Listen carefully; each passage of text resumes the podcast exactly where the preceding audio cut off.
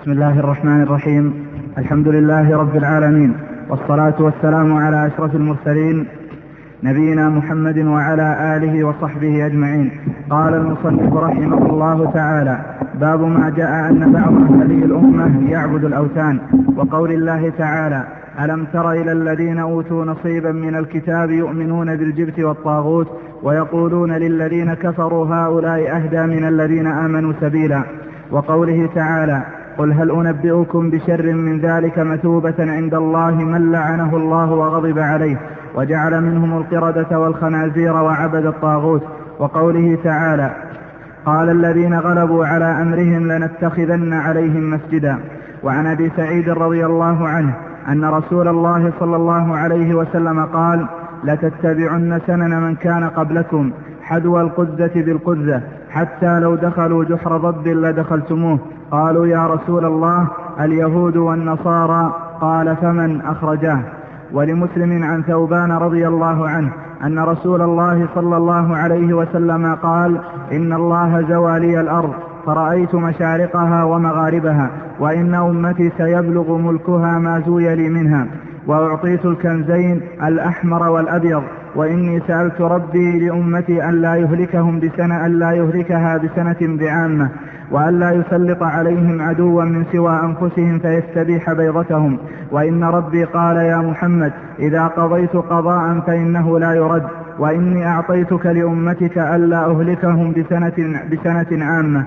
وأن لا أهلكهم بسنة بعامة وأن لا أسلط عليهم عدوا من سوى أنفسهم فيستبيح بيضتهم ولو اجتمع عليهم من بأقطارها حتى يكون بعضهم يهلك بعضا ويسبي بعضهم بعضا. رواه, رواه البرقاني في صحيحه. وزاد وإنما أخاف على وإنما أخاف على أمتي الأئمة المضلين وإذا وقع عليهم السيف لم يرفع إلى يوم القيامة. ولا تقوم الساعة ولا تقوم الساعة حتى يلحق حي من أمتي بالمشركين وحتى تعبد وحتى تعبد فئام من أمة الأوثان وإنه سيكون في أمتي كذابون ثلاثون.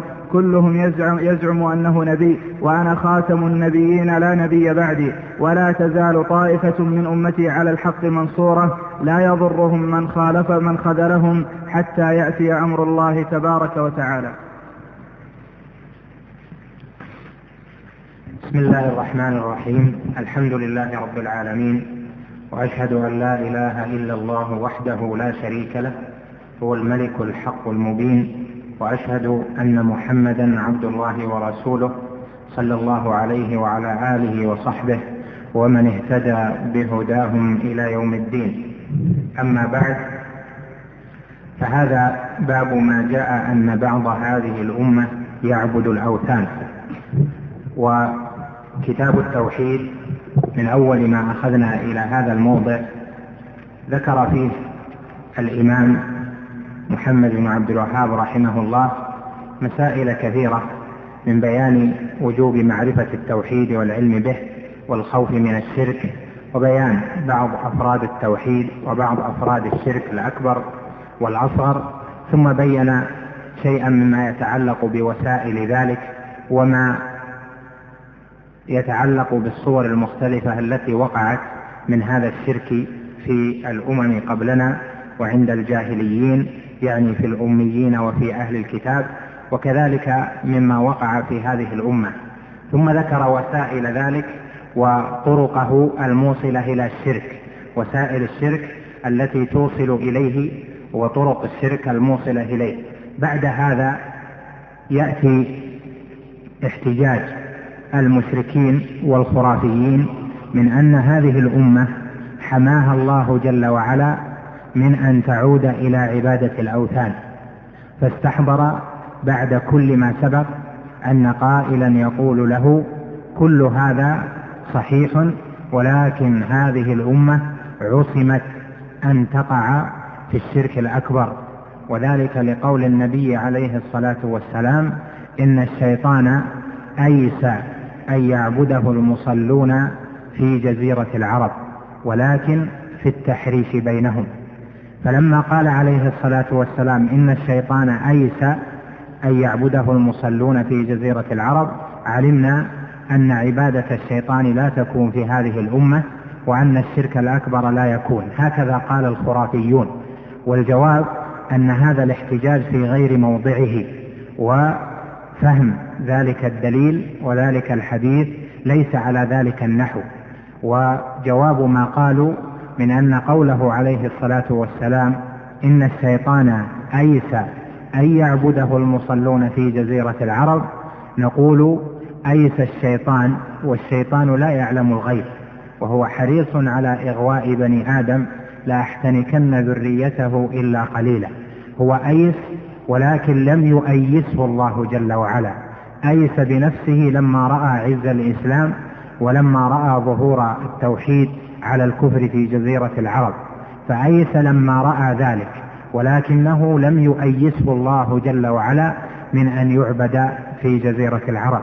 ثم إن في قوله أيس أن يعبده المصلون أن المصلين لا شك أنهم آمرون بالمعروف ناهون عن المنكر لأن المصلي هو الذي أقام الصلاة ومن أقام الصلاة فإن الصلاة تنهى عن الفحشاء والمنكر وأعظم المنكر الذي سينكره المصلي هو الشرك بالله جل وعلا فإن الشيطان ييأس أن يعبده من قام بالصلاة على حقيقتها وأقامها كما أراد الله جل وعلا. فإذا نقول هذا الحديث ليس فيه أن العبادة عبادة الشيطان لا تكون في هذه الأمة بل فيه أن الشيطان أيس لما رأى عز الإسلام. ولكنه لم يؤيس ولهذا لما كان بعد وفاة النبي صلى الله عليه وسلم بقليل وارتدت طائفة من العرب كان ذلك من عبادة الشيطان لأن عبادة الشيطان بطاعته كما قال جل وعلا ألم أعهد إليكم يا بني آدم ألا تعبدوا الشيطان؟ إنه لكم عدو مبين. وعبادة الشيطان كما في تفسير الآية بطاعته في الأمر والنهي طاعته في الشرك وطاعته في ترك الإيمان وترك لوازمه. إذا هذا الدليل استحضره الإمام رحمه الله وقال إن هذا الدليل ليس واقعا كما زعمه أولئك. والدليل على ذلك التفسير ما جاء في الأدلة أن بعض هذه الأمة يعبد الأوثان فيصحح ما فهمنا من أن معنى الحديث أن الشيطان أيس بنفسه ولم يؤيس وقياسه بنفسه لأجل عدم اطلاعه على علم الغيب مع حرصه على دعوة الناس إلى عبادة غير الله تبارك وتعالى وجل وتقدس. قال الإمام رحمه الله باب ما جاء أن بعض هذه الأمة يعبد الأوثان. يعني أن عبادة الأوثان واقعة في هذه الأمة بنص النبي صلى الله عليه وسلم كما وقعت في الأمم السالفة. فهذه الأمة تقع فيها عبادة غير الله جل وعلا. وقوله باب ما جاء يعني من النصوص في الكتاب وفي السنة. ما جاء أن بعض هذه الأمة بعض هذه الأمة هذا التبعيض لأن عبادة الأوثان لم تكن من الأمة كلها وإنما كانت من بعض هذه الأمة وإلا فلا تزال طائفة من هذه الأمة ظاهرة على الحق كما قال عليه الصلاة والسلام ولا تزال طائفة من أمتي ظاهرين على الحق لا يضرهم من خذلهم إلى قيام الساعة. فإذا قوله بعض هذه الأمة يعني ذلك البعض المرذول فنفهم منه أن هناك من يقوم بالاستمساك بالأمر الأول الذي كان عليه الرسول صلى الله عليه وسلم وكان عليه صحابته في أمر التوحيد وأمر العبادة والسنن. بعض هذه الأمة المقصود بقوله هذه الأمة أمة الدعوة أو أمة الإجابة. إذا قلنا أمة الدعوة فلا شك أن هناك من من أمة الدعوة وهم جميع الناس بل من الجن والإنس أن منهم من عبد الأوثان واستمر على عبادتها بعد بعثة النبي صلى الله عليه وسلم ولم يرضى ببعثته ولم يقبل ذلك. وإذا قلنا إن المراد بالأمة أمة الإجابة يعني أن من أجاب الرسول صلى الله عليه وسلم في دعوته تتقادم بهم العهود حتى يرتدوا على أدبارهم ويتركوا دينهم. كما جاء في الباب في باب سلف في أن سبب كفر بني آدم وتركهم دينهم الغلو في الصالحين. فإذا الظاهر هنا أن قوله بعض هذه الأمة يعبد الأوثان يعني به أمة الإجابة في أنهم يتركون دينهم ويتوجهون إلى الأوثان يعبدونها.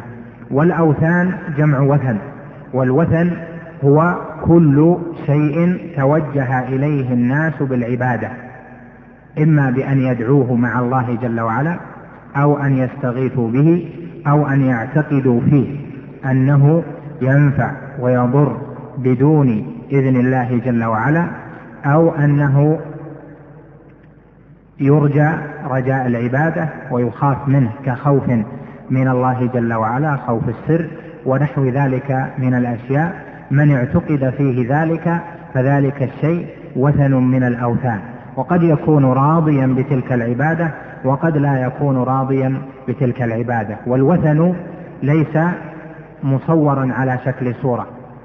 والصنم هو ما كان على شكل صورة كما سبق أن ذكرنا. فالفرق بين الأوثان والأصنام أن الأصنام هي الآلهة التي صورت على شكل صور كأن يجعل لنبي من الأنبياء صورة ويعبدها أو يجعل لرجل من الرجال كبوذا ونحوه صورة ويسجد لها ويعبدها. هذه أصنام.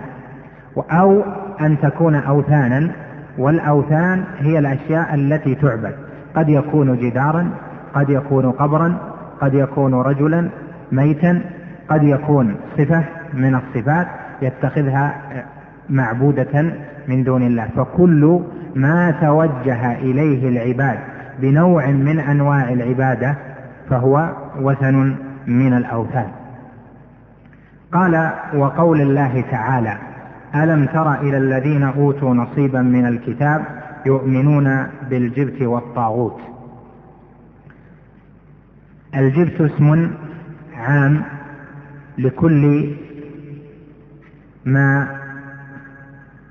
فيه مخالفة لأمر الله جل وعلا وأمر رسوله صلى الله عليه وسلم في الاعتقاد. قد يكون الجبت سحرا وهذا هو الذي فسرها كثير من السلف بأن الجبت السحر وقد يكون الجبت الكاهن وقد يكون الجبت الشيء المرذول الذي يضر صاحبه.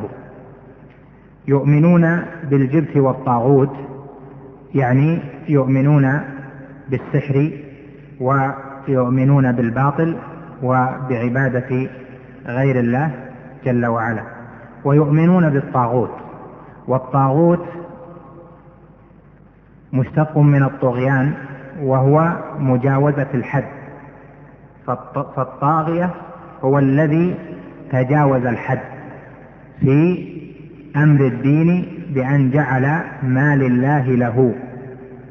ولهذا يعرف ابن القيم رحمه الله الطاغوت بأنه كل ما تجاوز به العبد حده من معبود أو متبوع أو مطاع.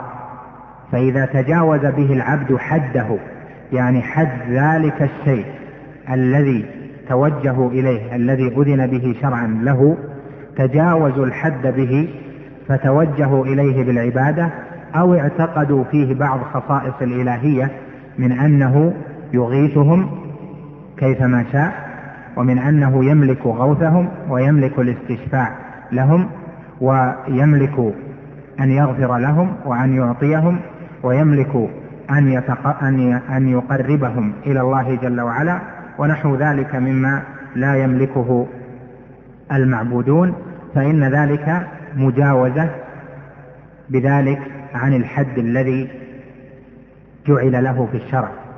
مجاوزة الحد في المعبودين أو المتبوعين.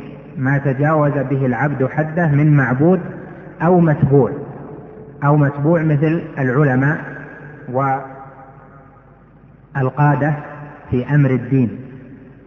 إذا تجاوز الناس به بهم حدهم فصاروا يتبعونهم في كل ما قالوا وإن أحلوا لهم الحرام وحرموا عليهم الحلال أو جعلوا لهم السنة بدعة والبدعة سنة وهم يعلمون أصل الدين ولكنهم خالفوا لأجل ما قال فلان فإن هذا قد تجوز به حده. فإن حد المتبوع في الدين أن يكون آمرا بما أمر به الشرع ناهيا عما نهى عنه الشرع. فإذا أحل الحرام أو حرم الحلال فإنه يعتبر طاغوتا ومن اتبعه فإنه يكون قد تجاوز به حده وقد أقر بأنه طاغوت واتخذه كذلك. أو مطاع يطاع كذلك من الأمراء والملوك والحكام والرؤساء الذين يأمرون بالحرام فيطاعون ويأمرون بتحريم الحلال فيطاعون في ذلك مع علم المطيع بما أمر الله جل وعلا به. فهؤلاء اتخذوهم طواغيت لأنهم جاوزوا بهم حدهم. قال يؤمنون بالجبت والطاغوت فيدخل في الطاغوت كل هذه الأنواع الذين عبدوا والذين اتبعوا والذين أطيعوا. وجه المناسبة من هذه الآية للباب أن ذلك وهو الإيمان بالجبت والطاغوت حصل ووقع من الذين أوتوا نصيبا من الكتاب من اليهود والنصارى. والنبي عليه الصلاة والسلام أخبر أن ما وقع في الأمم قبلنا سيقع في هذه الأمة كما قال في حديث أبي سعيد الآتي لتتبعن سنن من كان قبلكم حذو القذة بالقذة حتى لو دخلوا جحر رب لدخلتموه فمثل بشيء صغير وهو دخول جحر الضب الذي لا يمكن أن يفعل تنبيها على أن ما هو أعلى من ذلك سيقع من هذه الأمة كما وقع من الأمم قبلنا. قال ألم ترى إلى الذين أوتوا نصيبا من الكتاب يؤمنون بالجبت والطاغوت ويقولون للذين كفروا هؤلاء أهدى من الذين آمنوا سبيلا. وهذا حصل من هذه الأمة فإن منهم من آمن بالسحر ومنهم من آمن بعبادة غير الله ومنهم من أطاع العلماء والأمراء في تحليل ما حرم الله وتحريم ما أحل الله فكانوا بذلك متبعين سنن من كان قبلهم وحصل منهم إيمان بالجبت والطاغوت كما حصل من الأمم قبلهم. قال وقوله تعالى قل هل أنبئكم بشر من ذلك مثوبة عند الله؟ من لعنه الله وغضب عليه وجعل منهم القردة والخنازير وعبد الطاغوت. وجه الشاهد من هذه الآية قوله جل وعلا وعبد الطاغوت على هذه القراءة عبد الطاغوت فإن الطاغوت مفعول عبد وعبد تكون معطوفة على قوله لعن من لعنه الله إلى أن قال وعبد الطاغوت. يعني كأنه قال بتقديم وتأخير من لعنه الله ومن عبد الطاغوت.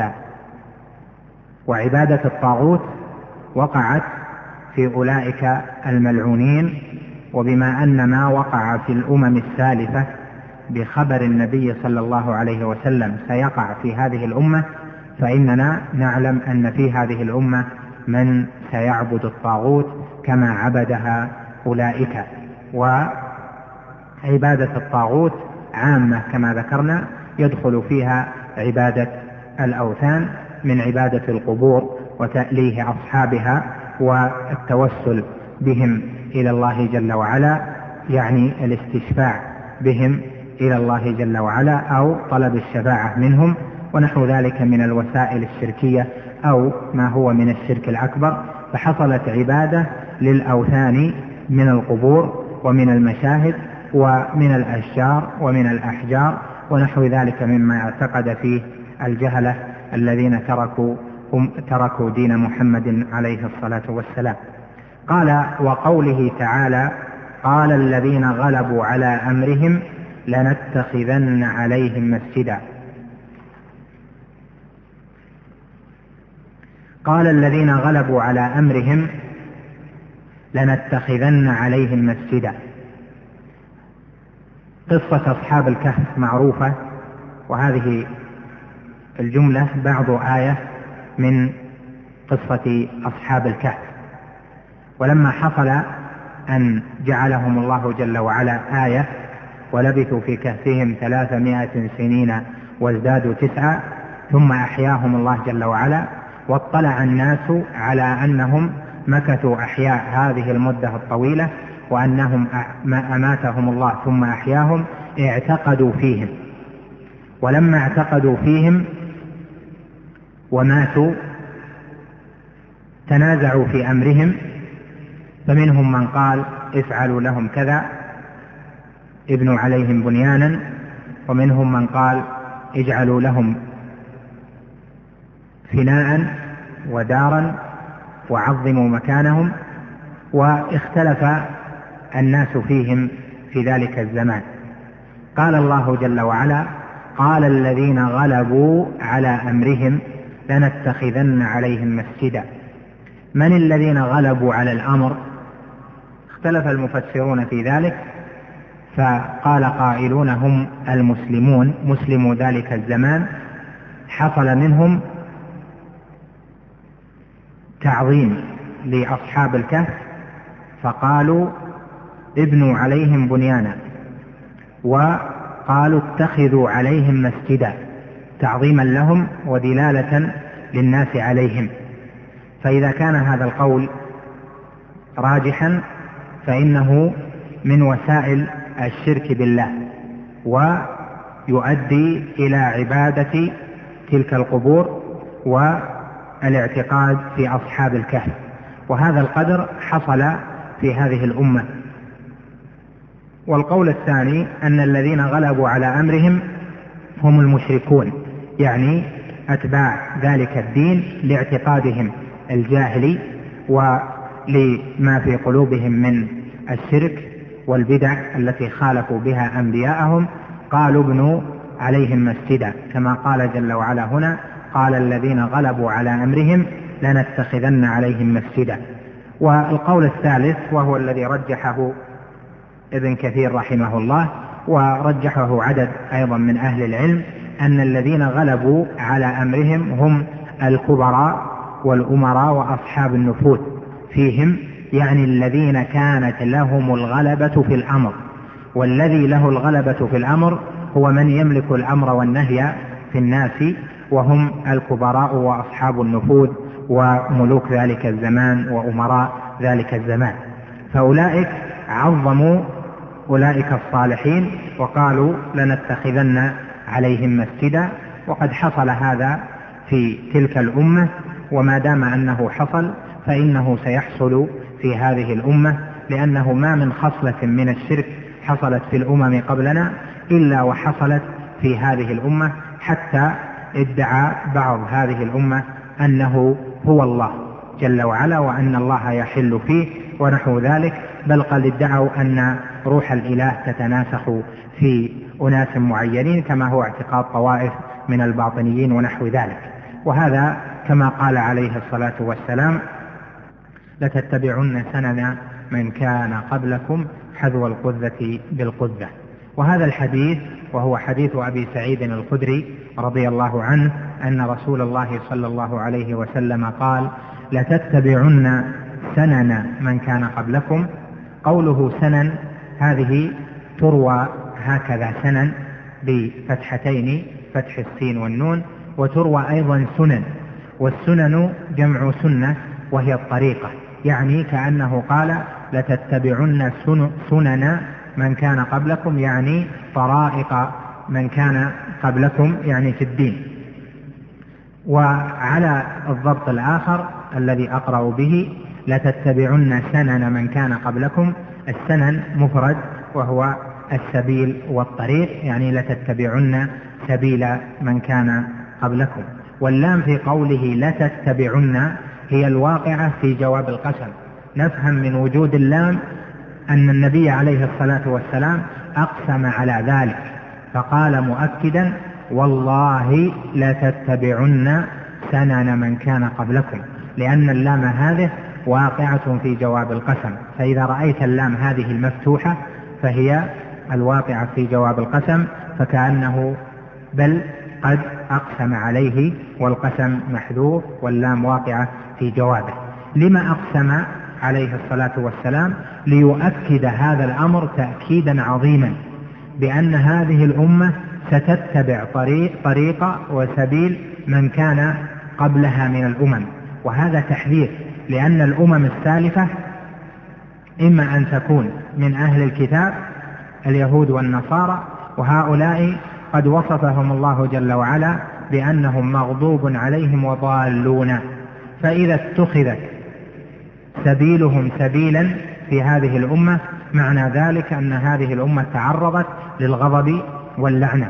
وهذا حصل في هذه الأمة فإن منهم من سلك سبيل اليهود ومنهم من سلك سبيل النصارى.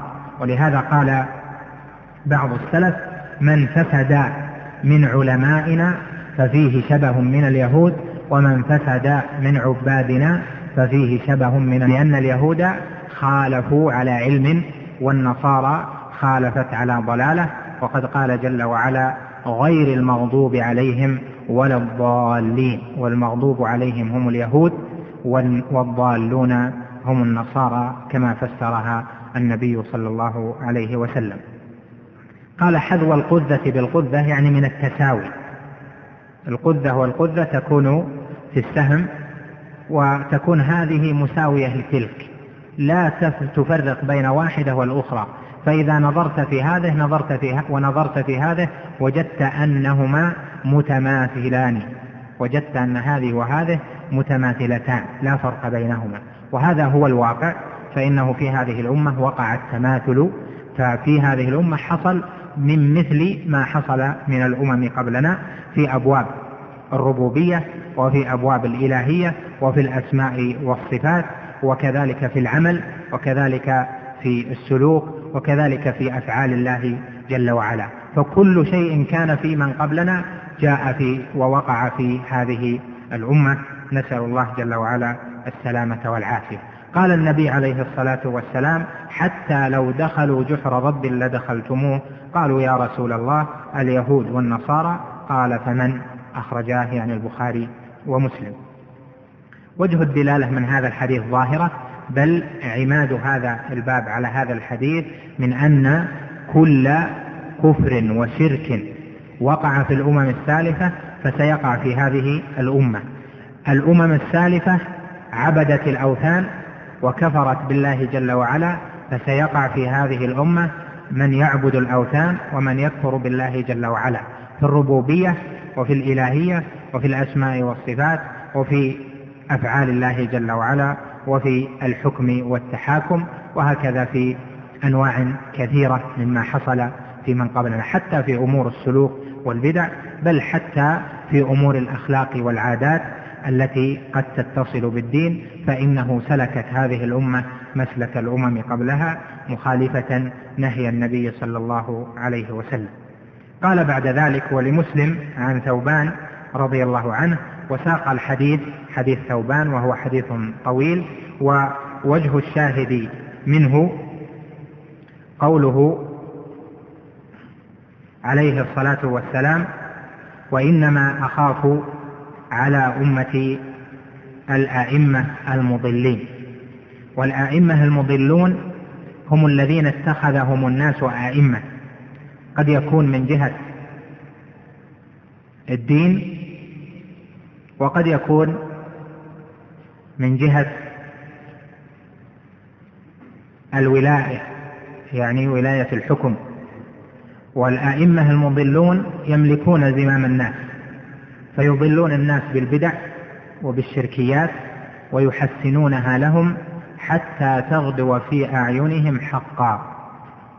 وكذلك أصحاب النفوذ وأصحاب الحكم فإنهم إذا كانوا مضلين فإن بيدهم الأمر الذي يجعلهم يفرضون على الناس أشياء ويلزمونهم بأشياء مضادة لشرع محمد صلى الله عليه وسلم من أمور العقيدة والتوحيد ومن أمور السلوك والعمل ومن أمور الحكم والتحاكم وهكذا وقع في هذه الأمة وخوف النبي عليه الصلاة والسلام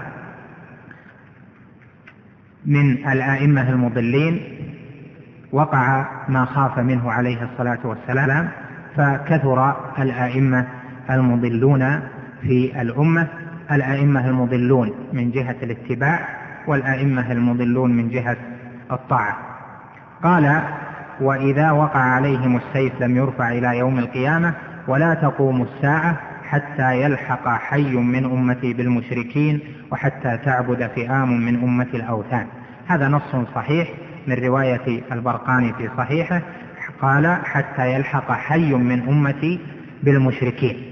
يلحق بالمشركين هل هو من جهة ترك بلاد المسلمين والذهاب إلى أرض المشركين أم يلحق بالمشركين في الصفات والخصال؟ يحتمل هذا وهذا. حتى يلحق حي من أمتي بالمشركين يعني من جهة ترك بلاد الإسلام والذهاب إلى بلاد المشركين رضا بهم وبدينهم. أو حتى يلحق حي من أمتي بالمشركين من جهة الصفات فيشركون كما أشرك المشركون ويرتدوا على أدبارهم. قال وحتى تعبد فئام من أمة الأوثان. الفئام هي الجماعات الكبيرة. قال وحتى تعبد فئام من أمة الأوثان.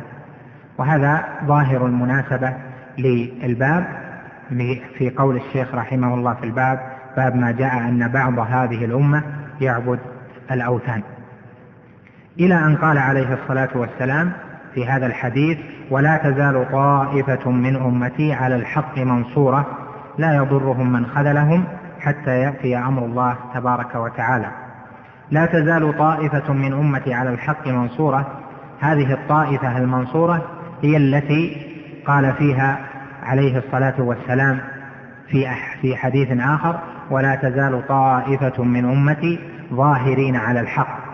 وهي التي قال فيها عليه الصلاة والسلام وستفترق هذه الأمة على ثلاث وسبعين فرقة كلها في النار إلا واحدة وهي الجماعة. فالطائفة المنصورة هي الفرقة الناجية وهي الجماعة بجمع أحاديث النبي عليه الصلاة والسلام. وسميت منصورة لأن الله جل وعلا نصرها على من ناوأها بالحجة والبيان.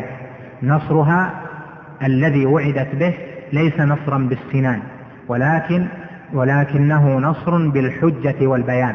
فهم وإن هزموا في بعض المعارك أو أديلت دولتهم في بعض الأحيان فهم الظاهرون على من سواهم بالحجة والبيان وهم المنصورون بما أعطاهم الله جل وعلا من الحجة والنصوص والصواب والحق على من سواهم فهم على الحق وسواهم على الباطل. هذان اللفظان فرقة ناجية وطائفة منصورة اسمان لشيء واحد وإنما هو من باب تنوع الصفات. فقال عنها الطائفة المنصورة هنا لا تزال طائفة من أمتي على الحق منصورة لأنها موعودة بالنصر. كما قال جل وعلا إنا لننصر رسلنا والذين آمنوا في الحياة الدنيا ويوم يقوم الأشهاد. فهم منصورون كما قال أيضا ولقد سبقت كلمتنا لعبادنا المرسلين إنهم لهم المنصورون وإن جندنا لهم الغالبون.